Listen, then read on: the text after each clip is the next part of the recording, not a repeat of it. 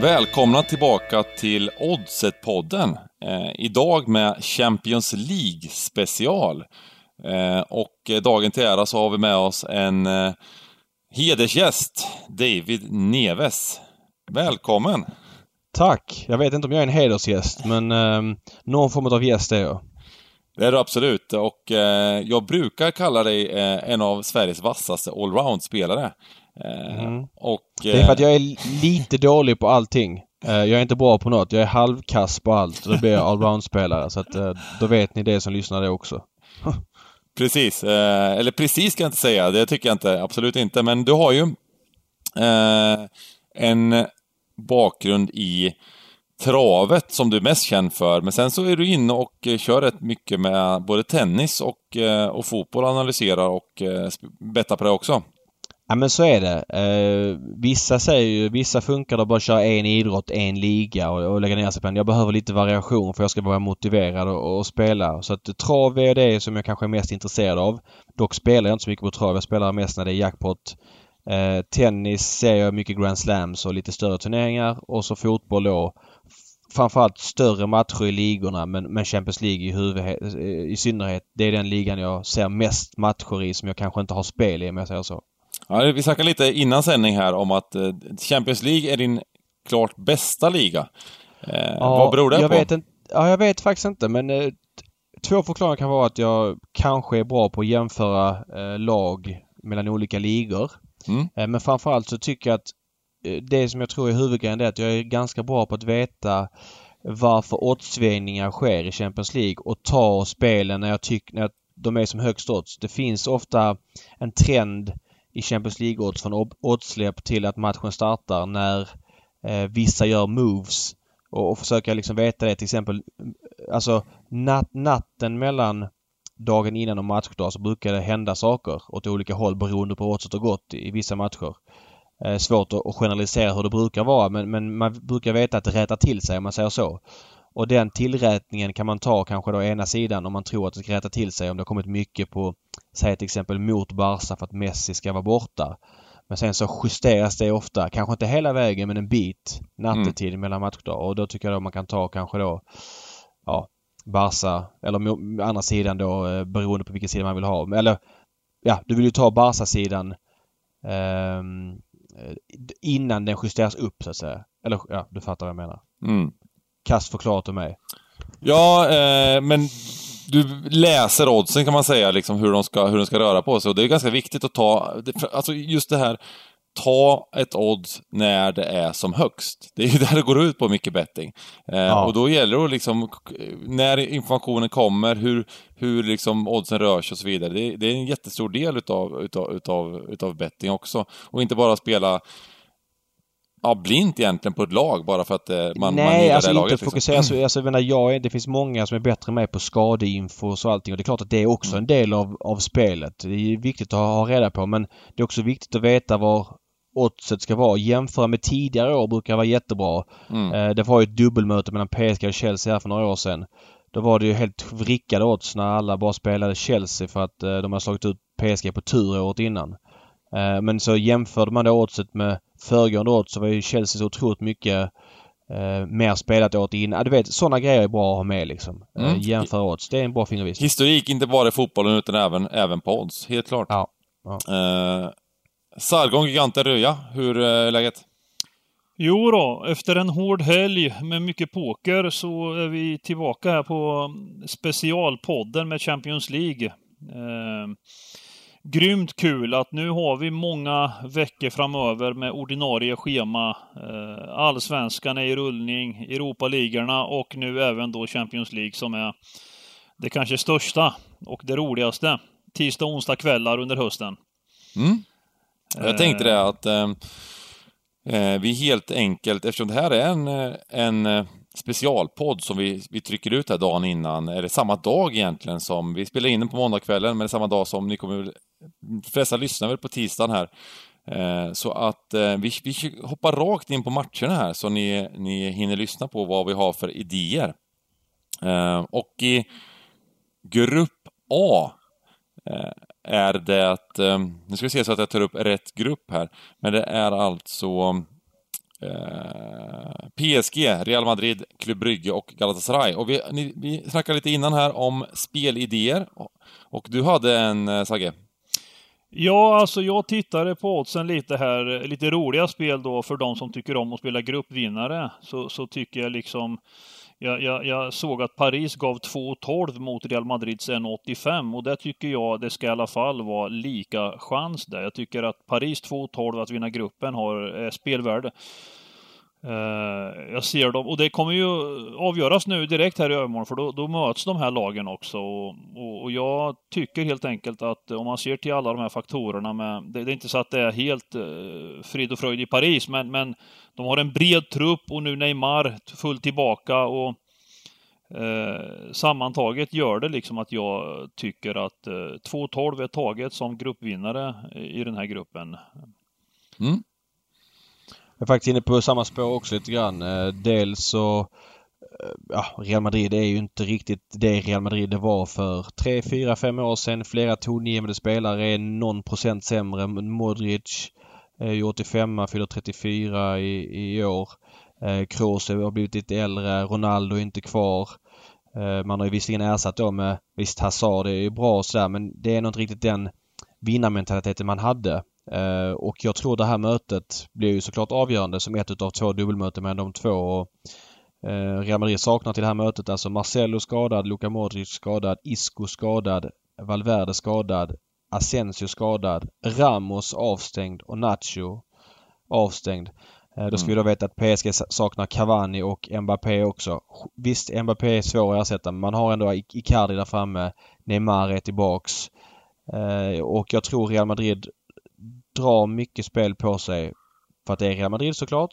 Mm. Men vi ska även veta att infon om Mbappé kom här bekräftat. Det är många som har spekulerat i det men bekräftat att han inte var med här för en stund sedan och då poppade ju oddset på PSG upp rejält och det tror jag är bra läge att ta PSG. För PSG på Parc de Prince, ja, det är ju ingen Einstein-analys men man är väldigt starka hemma. Man har ju kört över flera eh, toppklubbar sista två, tre åren. Eh, Bayern München för ett par år sedan med 4-0. Man var helt överlägsna mot nu är inte Manchester United ett topplag men där man lyckats förlora ändå och vunnit fler, fler andra stormatcher på Parc des Princes.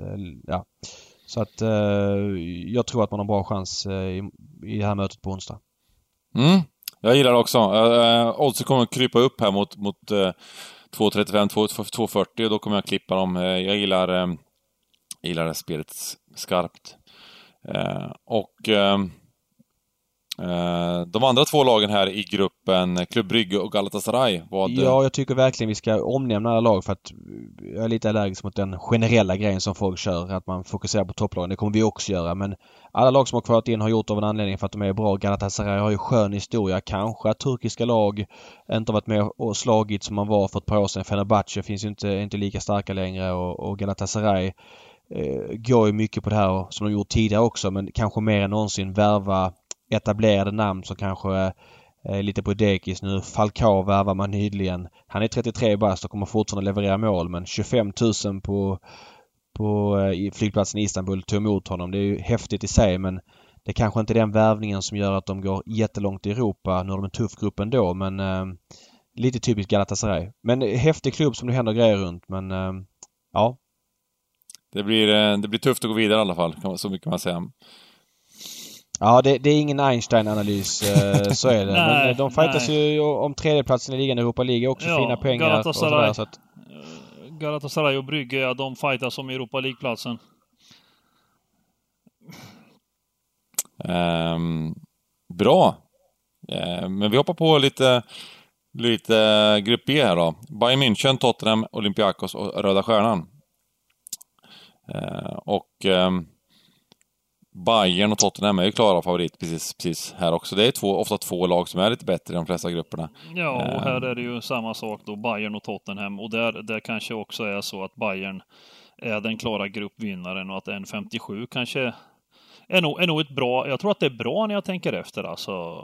Bayern är nog klar gruppvinnare. Jag tror inte Tottenham över sex matcher Eh, så att säga kommer få det så enkelt borta mot Röda Stjärnan och Olympiakos. Medan, medan Bayern är lite tyngre på det sättet. De, eh, eh men, men att någon skulle hota kanske andra platsen från Tottenham, det, det är också lite svårt tror jag. Så att, eh, här är väl Bayern Tottenham vidare i den ordningen och sen får Olympiakos Röda Stjärnan fightas om, om eh, Europa League-platsen. Men, men jag vill kasta in då om Olympiakos att de tog sig vidare på ett otroligt eh, imponerande sätt. Eh, speciellt den fotbollen de spelade. Väldigt många skickliga bolltrygga spelare som, som gjorde en oerhört fin insats borta mot Krasnodar och även hemma i den, i den rundan. Eh, och dess, dessförinnan slog ut Porto också. Så att...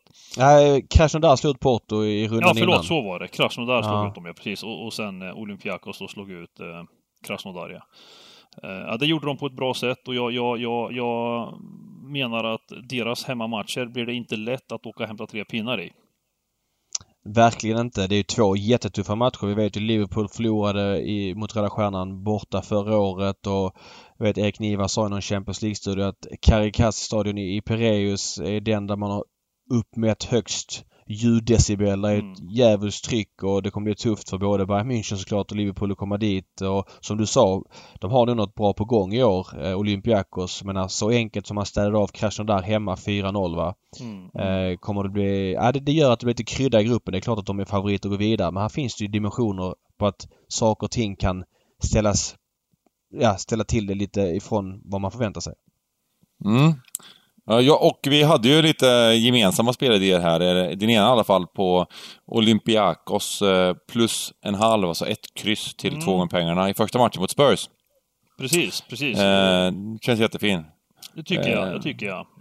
Och, eh, och sen hade jag min egen här, över 3,5 mål i Bayern München mot Röda Stjärnan. Jag tror att Röda Stjärnan är lite för dåliga för den här eh, ja, för Champions League överhuvudtaget kanske. Och eh, eh, Bayern, de kommer ju tuta, tuta och köra här i första rundan och eh, städa undan de här rejält tror jag. Och, eh, 1,75, ett fint odds tror jag. Och det finns ju en faktor där också. Det är ju att storlagen... Eh, jag har en känsla att de tenderar att gå lite hårdare i omgång ett, kanske omgång två. Än vad de gör kanske i ja, runda 4-5 och är de då mm. klara så ställer de över mycket i runda 6. Så att eh, ja, nu är de stora favoriter så jag ska inte säga att åh, jag tror att de vinner. Men jag tror att du är rätt ute på din idé med att de kommer maxprestera en längre tid under matchen med tanke på att det är första omgången. Mm. mm. Och sen hade vi inte så mycket spelidéer i grupp C tror jag inte, utan vi kan ju nämna det att Manchester City, Shakhtar, Dinamo Zagreb och Atalanta är det. Vi kan ju nämna till att börja med att um, City vinner gruppen. Punkt ja. slut. Uh, men... Ja, de är ju eh, slutfavoriter på Svenska Spel och vinner hela Champions League. Står 4-25 nu så att uh, de har väl en bra chans att vinna gruppen. Mm. Ja. Men ni var glada, lite glada att Atalanta var, har, har lyckats kvala in? Ja, det tycker jag. Jag tycker det. Atalanta förtjänade, de gjorde en fin Serie A-säsong förra året med otroligt, eh, lite så här, lite Bajen-stuk över dem. Bollen ska framåt och, och, man försvarar gärna inte utan de, de eh, har många roliga eh, karaktärer där framme i, i Zabata och, och Ilicic. Och Gomes eh, framförallt. Och, och ja, de, de, de är ett, ett frejdigt lag som eh, ska bli kul att se. Och när de hamnat i en grupp också där de definitivt är med och fightar om andra platsen. Eh, jag, jag rankar dem som tvåa eh, tillsammans kanske med Shakhtar Donetsk då som har eh, erfarenhet och rutin från Champions League. Och sen så Zagreb ska man inte helt underskatta heller. Det är inte lätt att komma till Zagreb men, men Zagreb kommer nog fyra i den här gruppen. Ja, jag måste flika in och säga jag såg faktiskt Atalanta i helgen mot Genoa. Det var en fredig tillställning eh, där Atalanta Ja, anfallsspelet var bra men försvarsspelet var sisådär. Man släppte till väldigt mycket chanser och framåt har man ju som du sa Zapata och Luis Muriel, de två colombianerna som mm. kommer kunna uh, ja, nu är det en klyscha med sätta färg på, på det här Champions League-gruppspelet från sin sida. Atalanta svårvärderade men kommer bli roliga att se. Mm. Och eh, lite, något överspel i, i deras matcher då kanske? Ja, framförallt mot Shakhtar. Shakhtar såg vi förra året. Då hade de ju visserligen Paulo Fonseca som tränare som nu är i Roma. Man har en annan portugis, eh, Luis Castro nu. Men man har ju nio brasilianer i truppen och man har alltid varit väldigt offensiva. Så har man Piatov i mål som alltid slänger in i alla fall två, tre baljor i gruppspelet mm. i Champions League i egen kasse. Så att eh, nu är det mötet någon, någon omgång fram men eh, det känns som att hur ska jag uttrycka det? Jag hoppas på generösa odds eh, mm. där. För då vill man ju gärna spela över i en sån, mm. sån match. Mm. Eh, I grupp D hade vi lite idéer också och eh, vi tyckte att det var lite högt odds på att Atletico Madrid att vinna gruppen. 2,75. Mm, ja men det tycker jag. Jag tycker väl kanske Juve ska vara favoriter på oddsen att vinna gruppen, men jag tycker inte det ska skilja så här mycket. Jag tycker det är eh, två jämnbördiga lag. Alltså Atletico hade full pott eh, i ligan inför helgen här nu och förlorade mot Sociedad 2-0. Men, men jag gillar vad jag ser hos Atletico och, och Diego Simone. Man vet vad man får utav dem och jag, jag tror här har vi ännu en grupp då där Juventus Atletico kommer att komma etta och tvåa. Eh, och, och, så kommer Leverkusen och Moskva få bråka om Europa League-platsen. Där Leverkusen är favorit får vi säga till den platsen. Men, men mellan Juve och Atletico tycker jag liksom att det finns något, något form av värde att spela Atletico och vinna gruppen. För mm. Jag tycker det var ja. intressant med högt odds. Mm. Håller med faktiskt. Vi ska komma ihåg Juventus förra året. Visst, man hade då tagit in Ronaldo som skulle vara den här tungan på vågen mot tidigare men man hade väl lite grann glömt mittfältet för man var totalt eh, utspelade mot Ajax. Mm. Eh, och liksom när man behövde forcera i slutet så kunde man inte skapa någonting i princip. De har då tagit in Ramsey och eh, Rabiot som på, på mittfältet då. Eh, de är världsspelare men om de är den här avgörande skillnaden som Juventus kanske behöver för att var nivå upp, det vet jag inte. De Ligt såklart som mittback men det var inte där man hade problem förra året. Det är min Nej. känsla. Så att eh, Juventus, ska de vara så mycket bättre än förra året? Ah, tvek får man säga. Mm. Mm.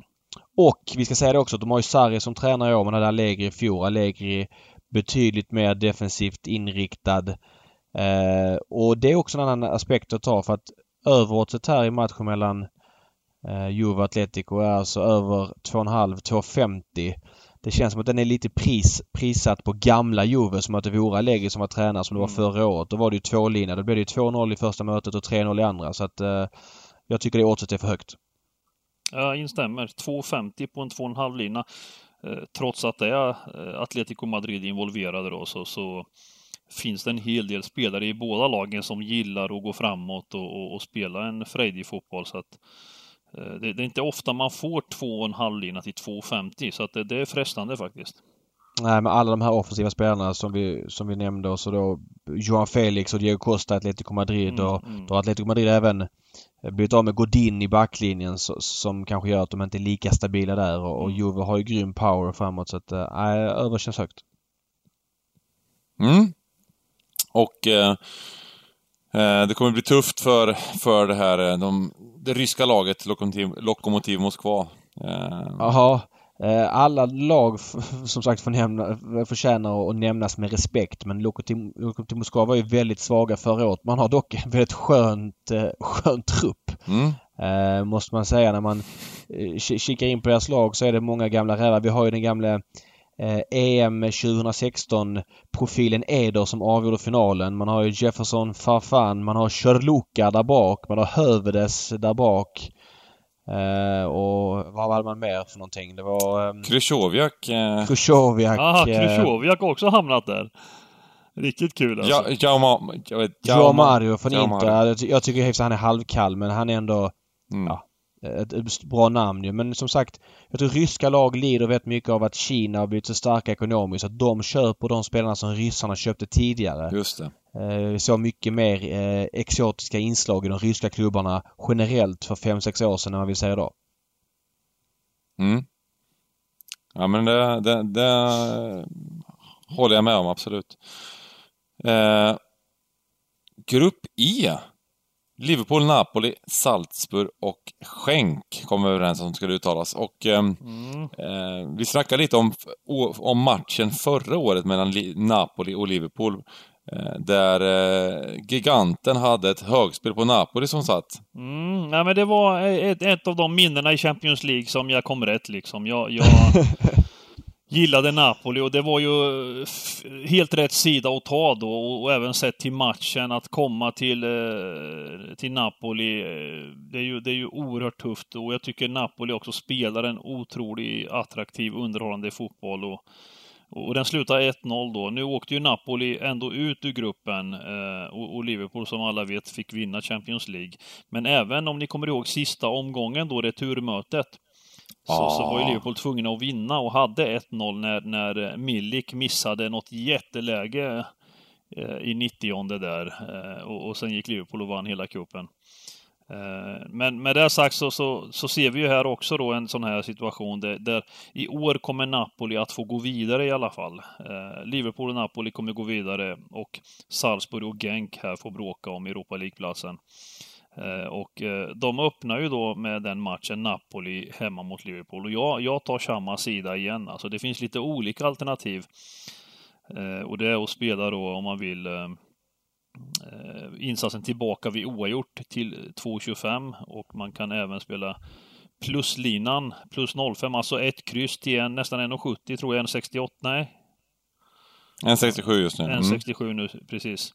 Och vill den Järva ta den raka så har man ju den då till, till nästan 3,10. Eh, så att, eh, nej, jag gillar Napoli. Jag håller med. Napoli måste vara den klubben som har haft sämst lottning sett i en tioårsperiod. De hamnar alltid i en sån här trelagsgrupp som är riktigt vass. Det var ju PSG och Liverpool förut som, mm. som slog ut dem. Eh, betydligt enklare år så har man ju det här sköna offensiva gänget. Jag mm. vet inte vad snittlängden är på dem men Calacon, Insigne, Lozano och, och Mertens. Eh, nej, uh, vilken, uh, vilken power det finns där. Jag tror att... Ja. Jag tror nu inte det här är en djärv gissning. Liverpool hade noll skott på mål i den matchen förra året men känslan är att de får det väldigt tufft i år också. Mm. Um, fint och um, det blir ju troligtvis Salzburg som tar den här... Uh, de, de, fick vara med i Champions League till slut och uh, nu tar de väl Europa League-platsen då troligtvis. Ja, Saga, hur många år är det de har försökt nu och missat på mållinjen? Ja, alltså det här Salzburg, jag kommer ihåg 7-8 år sedan när Malmö höll på att råta liksom. De hade den här, den här sköna liraren som var stjärnan i laget, eh, Soriano. Soriano. eh, som, som, du, som du hittade i Genoa nu, eller?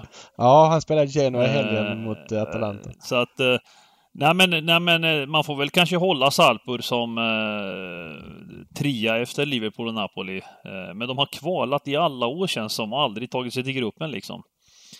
Så, så äntligen får de vara med och, och, och, och njuta av gruppspelet i Champions League då. Mm.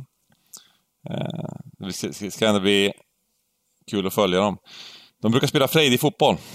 Mm, precis. Mm, det var ett rejält överlag för. Jag har faktiskt inte följt dem så mycket på slutet men... Um, Nej. Ja, det, de, de har ju ingen riktig läktarkultur där. Det är ju lite köpelagsfeeling och inte någon mm, riktig mm. historia. Så att eh, det är en speciell klubb på det sättet. På det som du säger Bengan, alla lag har ju något, någonting man kan hänga upp dem på så att uh, mm. de har ju absolut något intressant att följa. I grupp F så är det, där har vi den här trelags getingbot här med Barca, Dortmund och Inter. Mm. Och sen Slavia Prag som släpar lite efteråt, troligtvis då. Det, det, det, det, var, det, var, inte kul för ett, på nytt för ett Inter att hamna i den gruppen. Nej, precis. Eh, samtidigt som jag kan tycka liksom eh, Barcelona tror jag är rätt favoriter och, och, bör vinna gruppen. Eh, sen, sen blir det ett race mellan Dortmund och Inter, men, men, jag kan tycka ändå att Dortmund inte ska vara så mycket större favoriter än Inter. Jag tycker, jag tycker Inter har något på gång med, med Conte som tränare nu och, och hämtat in Lukaku med, med även flera andra ifrån inhemska ligan. Eh, och även den här Martinez de hade redan från förra året som egentligen var bakom Icardi. Eh, han verkar också eh, till och med konkurrera i Argentinas landslag på allvar nu. Så att, så att, och, sen Diego Godin får vi inte glömma, mm, mittbacksgeneral från Atletico. så att jag, jag, tycker att Inter har minst lika goda chanser som ett, som ett bra Dortmund ska man säga då. Så att Slavia Prag sist i gruppen, Basha etta och sen så blir det ett race mellan Dortmund och Inter. Ja, framförallt när det gäller eh, Inters, eh, Inter Conte. Det är ju den Lukaku må ösa in mål och Sanchez må vara, inte vara slut men att Conte är där är ju grejen. De får kontinuitet mm. på ett mm. helt annat sätt och Nej, det känns jätteintressant med, med mm. konto även för ligan också där. För man glömmer ju även, det är ju faktiskt, om man ser till Alexis Sanchez också, nu vet man ju inte, han har ju dippat liksom, men det är ju ändå ett jäkla häftig joker att ha i laget. Alltså han, alla vet ju när han är på glatt humör liksom vilken nivå han har i sig. Sen får man ju se om, om det funkar i, i Italien och Inter. Mm, men det är väl högre, eller vad ska jag säga, lägre odds att det funkar där än att det skulle funka i, i Ja men till exempel Chelsea, om han hade varit där, då vet man att det har varit flopp ju. Ja, ja, att han, precis. Att han ja, precis. Italien. Känns... Precis. Ja, men jag tänker så också. Jag tror att han kan få en ny tändning liksom i, i Inter och Italien. Enig. Mm. Uh, men uh, Messi är tillbaka. Suarez, Suarez tillbaka och uh, Barca är väl klara favoriter att vinna gruppen. Ja. Så är det. Eh, sen eh, på, på matchen, matcherna som då är i, i, imorgon och övermorgon eh, så, så tycker jag liksom att Inter hemma mot Slavia Prag då, man, man, man får 1,42 på raka ettan. Jag, jag håller mig till den och så vill man kan man kanske leta en dubbel eller trippel och komba den. Jag, jag väljer att inte spela den tuffa minuslinan utan, utan jag tror att Inter kommer på ett komfortabelt sätt vinna den här matchen och, och nöjer mig med att eh, spela Inter till 1,42. Mm. I grupp... Du lät tveksam där, du bara mm. Ja, ja, men vi hade en liten diskussion innan den här matchen och jag, var, jag är lite på, på andra sidan där om Inter. Jag tror att det kan bli tufft, eh, tuffare än vad oddsen säger för Inter och slå Slavia, men...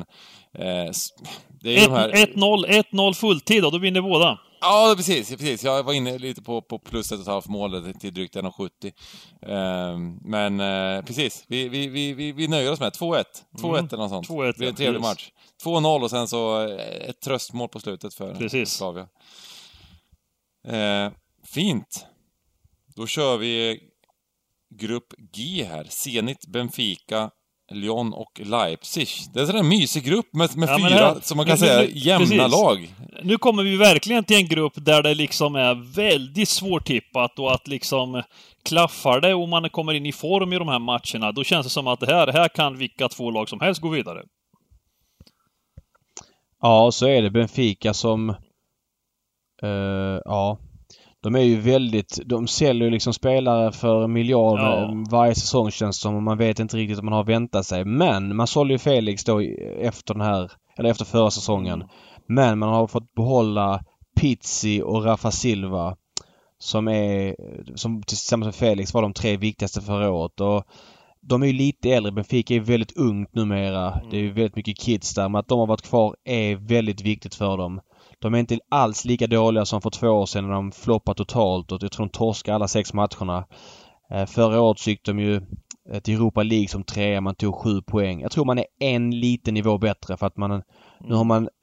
Man bytte tränare förra året eh, till Bruno Lage heter han som är nu. Och han... Eh, det var en nivå upp när den före Rui Vitoria Rui Vitoria hade lämnat. Mm. Så att jag tror att Benfica är lite bättre. Sen är det, de är inte, kanske inte så bra som de gick till Europa League-final två gånger i rad där. Torskade mot Chelsea och Sevilla typ så 12, 13 eller 14 eller vad det var. Men... Nej, äh, de är ju unga och intressanta. Ja men lite favoritskap är väl inte fel då på Leipzig och Lyon. Men sen är ju Zenit även ett lag, ett litet såhär jokerlag som, som ehm, de, de har hämtat in eh, Maicon från Barcelona. Eh, bland annat. Eh, och, och, han visade ju upp i Basha att han var, att han var duktig liksom. Eh, så att nu är vi där med ryska lagen igen. Men, men i och med att de har hamnat i den här gruppen, Zenit, det är inte, det är inte kul att åka till Ryssland och spela matcher under höst och vinter. Nej, så, så är det. Att... Och, och Zenit är väl kanske det laget som har drabbats värst. Det var ju, kommer ni ihåg, för fem, sex år sedan med Axel Witzel och, och mm. gänget. Mm. nu var gänget kanske lite korkat sagt men det var väldigt mycket Garay, alltså folk som var på väg uppåt fortfarande kunde man värva. Mm. Nu är det inte riktigt den profilen på spelarna längre. Nej, nej Visst, precis. Nu har, de, nu har de Ivanovic. Ja, lite så. Ma Malcolm är en, en grym värvning såklart. Zyba 31, visst han, han, kan ju såklart orsaka problem men det är väldigt mm. mycket ryskt. Mycket mer ryskt än det var på, på den tiden. Mm, mm. Eh, man har inte riktigt samma pengar så att eh, dels på grund av sanktioner men även att man är utmanövrerad av Kina då fotbollsmässigt på, på kartan var man är i näringskedjan så att eh, inte lika bra som fem sex år sedan. Fina, fina Zenit när de slog när de vann Europa League efter att ha slagit Bayern på bort, bortaplan med 4-1 eller något sånt där. Eh, härligt. Här, härligt. det var med Arshavin innan han gick till Arsenal. Jag saknar deras gamla arena också, den innan fotbolls den som var helt liksom fri från eh, tak. Ja, okej. Okay. och det var, alltid glest med folk där liksom. Ja. Det såg ut som att det var... Eh, ja, det såg öststatskt ut och väldigt mycket typ 40-tal. Ja. Grupp H så har vi... Vi hade väl inga direkta spelidéer i den där förra gruppen tror jag inte, så vi går in på grupp, eh, grupp eh, H här och där är det Chelsea, Ajax, Valencia och Lille och det är ju det är nästan den värsta gruppen eh, i, eh, i, i Getingbo-aktigt. Eh, ja, det, man, får väl, man får väl säga att eh, Barcelona, GH. Barcelona, ja, GH. Eh, inte GH, ja, jo, den... den jämna, tänker jag Jämnaste, ja, jämnaste, precis. Eh, den, den tuffaste gruppen är väl grupp F då kanske, men med Inter och Barca och, och eh, Dortmund. Men, men det här är häftigt också. Har du några tankar om eh, Ja, jag, jag har ju en tydlig spelare här mm. faktiskt. Mm. när jag såg oddsen tyckte det kändes lite uh, skeva odds. Jag läste att uh, den här matchen spelas ju tisdag, att Lampard uh, var inne lite på rotera kanske. Redan nu, vilket känns... Jag vet inte. Jag vet inte om man har trupp till att slåss på två fronter men Chelsea har ju läckt in mål bakåt. Mm. Uh, och viktige Rydiger är borta helgen. De spelar alltså med Zuma igen. Mm. Zuma är lite som vi pratade om Shakhtar och Pjatov innan. Han brukar orsaka i alla fall två, två mål, baklängesmål under ett gruppspel. Eller ja, han orsakar i alla fall... Eh, han är bra på många grejer men han eh, gör en hel del misstag också. Mm. Eh, och Valencia fick ju spö, hade ju ny tränare här inför helgmötet med Barca. Man förlorade 5-2 och Chelsea vann ju med 5-2. Och där är det alltså jämna odds på över under. Eh, och det känns ju helt fel måste jag säga. Jag tycker att eh, visst, om Chelsea roterar då är ju, då skulle jag säga att det är marginellt om man roterar neutralt att det är marginell fördel för undersidan. Men oddsen är ju som att det vore två normala lag och det här är två rätt slaskiga lag. Framförallt Chelsea som, som släppte in mål. Verkligen. Väldigt mycket mål i början av, av Premier League. Ja, de här ungdomarna i, i, i Chelsea också gillar ju att gå framåt så att eh, mm. jag gillar den skarpt också. Den, den, den, det är en 88 nu på... Nej men jag, jag, jag eh, håller med. Jag säger som jag sagt tidigare att jag tror fortfarande, man ser att Lampard, han försöker spela in en ny generation nu som ska ta roller i, i, i det nya framtida Chelsea och, och det här blir lite som en mellansäsong där, man, där förväntningarna inte ska få vara stor, för, för, för, för stora. Eh, men, men det jag tror också att de kan eh, utmana i matcher mot de stora lagen, precis som de kan eh, alltså göra, göra bort sig mot mitten och, och, och, och bottenlagen. Liksom. Det, det, det, är slaskigt. Det är, liksom, det är inte samma stabilitet, samma kända Chelsea som man är van vid. Liksom, utan även i, det blir jätteintressant nu att se hur de här grabbarna förhåller sig eh, till, mot ett spanskt lag som kommer. Jag, jag, jag, tror ju liksom att till och med att oddsen är att de är, att de, att, jag skulle inte spela Chelsea till de här oddsen, utan snarare då eh, plus, plussidan på Valencia också skulle jag eh, det är tufft att, att, att kliva ut mot, mot bra spanska lag liksom. Och, mm. Och eh, sen var ju även eh, Valencia, minns jag ju, var bra borta mot Arsenal där i... De gjorde, de, i Europa League förra året. Och, det känns som ett tufft odds på Chelsea, att, att det ska vara under... Ja, 1,83 står de nu ska vi säga. Ja, det känns, mm. känns, det, känns, det känns inte så spelvärt på Chelsea i alla fall, så kan jag säga. Sen vet inte jag om man ska spela Valencia eller inte riktigt, men det känns inte som eh, jättekul att spela Chelsea till de här oddsen. Eh, sen har vi ju lite intressant tycker jag också då när vi har både Ajax och Valencia då. Ett Ajax som då gick vidare till final förra året, eller semifinal, förlorade på sista sekunden och eh, kanske inte ska vara, eh, folk har väl inte samma förväntningar på dem då, men, men förutom delikt eh, fick de behålla det mesta. Eh, Precis. Ja, det är Jong också. Ja, stjärnan de Jong. Ja, det, det, är ett stort... Det är klart att det är två, det är två tunga avbräck, så är det ju. Men, men det, är, det är ändå den här kulturen Ajax har. De kommer ånga på. Eh, och att... Och med Valencia i gruppen då att att Chelsea ska två, alltså stå i två gånger och vinna gruppen, det, det kittlar lite gå emot. Eh, jag tror både Ajax och Valencia kan eh, utmana och hota Chelsea om den platsen. Ja men Lampard, alltså, nu vet man inte, nu var det Sky Sports som twittrade om att Lampard vinner på, på att rotera men Alltså han har väl lärt sig det som spelare genom åren att man behöver viss typ av vila och det är klart att ligan är prio där. Det kommer att vara hela vägen för att han inser väl att det är jättetufft att, att vinna Champions det är min slutsats. Jag vet att det kanske känns fiskigt att tänka så men eh, jag har bara feeling att han, han går all in på ligan och så får det bli vad det blir i, i de andra kupperna och, och, så bygger de på det till nästa säsong. Mm, mm. Jo, alltså jag, jag säger det igen. Jag tror Lampard liksom eh, eh, har detta Chelsea som ett, som ett eh, lärorikt år där han hoppas kunna ta en så framskjuten placering så högt som möjligt i ligan. Såklart. Och sen ge de här yngre erfarenhet och rutin och få och spela Champions League-matcher och så vidare. Så att eh, eh nej, det är, det är intressant det här med Ajax, Valencia, Chelsea. Eh, Lill, ja, kommer fyra. Det gör de. De kommer sist i den här gruppen. Men, men lite varning i vad som kan eh, i övrigt i de här, av de här tre lagen alltså. Lill köpte ju Renato Sanchez, Bayern München-floppen. Mm, precis, eh, för typ 250 miljoner här nu i slutet av fönstret. Eh, ja, han är ju ung, det finns ju mycket kvar i honom men man har ändå lite muskler och, sådär. Den ja. värvningen såg inte jag riktigt att Lill kunde göra förut. Man, man, ska nog inte... Ja, man får ge killen chansen nu när han är i en miljö där han eh, liksom förväntas nu Eh, kommer att vara ordinarie och se om man kan bära laget och visa den här talangfulla man fick se för några år sedan. Mm. Mm. Men vi gör så att eh, vi summerar lite våra spel här. Och eh, vi kommer köra den här eh, Oddsetpodden special Champions League varje, varje Champions League-runda är tank, tanken då. Så vi, vi mjukstartar lite idag med, eh, med ett gäng spel och lite gruppvinnarspel. Om jag säger eh, Paris Saint-Germain, gruppvinnare till 2-12. Ja tack. Ja tack. eh, Atletico Madrid... Men vänta, vi, vi får bara flika, flika in mm. så här. Det bygger mycket på det här med mötet som är övermorgon. Det är klart att det händer ja. ju väldigt mycket. Det var ju något år där Real Madrid så iskalla ut på, på hösten och sen gick man och vann Champions League. Det, det händer förändras mycket framöver. Ja, men som det känns just nu med den här infon mm. och mötet som är ganska avgörande för gruppsegern redan om två dagar. Mm. Och ja. skadelistan som Real Madrid har där så känns det väldigt intressant med, med PSG som underdogs.